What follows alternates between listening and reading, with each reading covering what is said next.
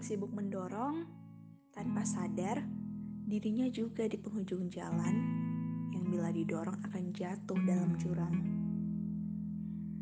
Ada yang sibuk memahami tanpa sadar bahwa pemahamannya salah selama ini.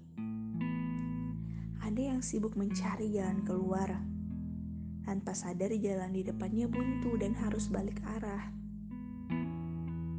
Banyak kesibukan dalam satu ruang lingkup. Terlalu banyak konsentrasi yang rupanya malah mendistraksi. Siapa yang salah, siapa yang benar, bukan itu lagi yang perlu dicari jawabannya.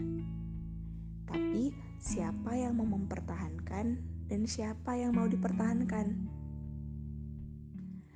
Lucunya, Anthony memang tak pernah lepas dari sandiwara bumi. Pun kian gencar mencari ruang.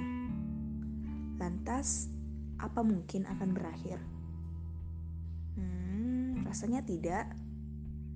Ini akan menjadi jalan panjang. Mari kita susuri, nikmati, lalu.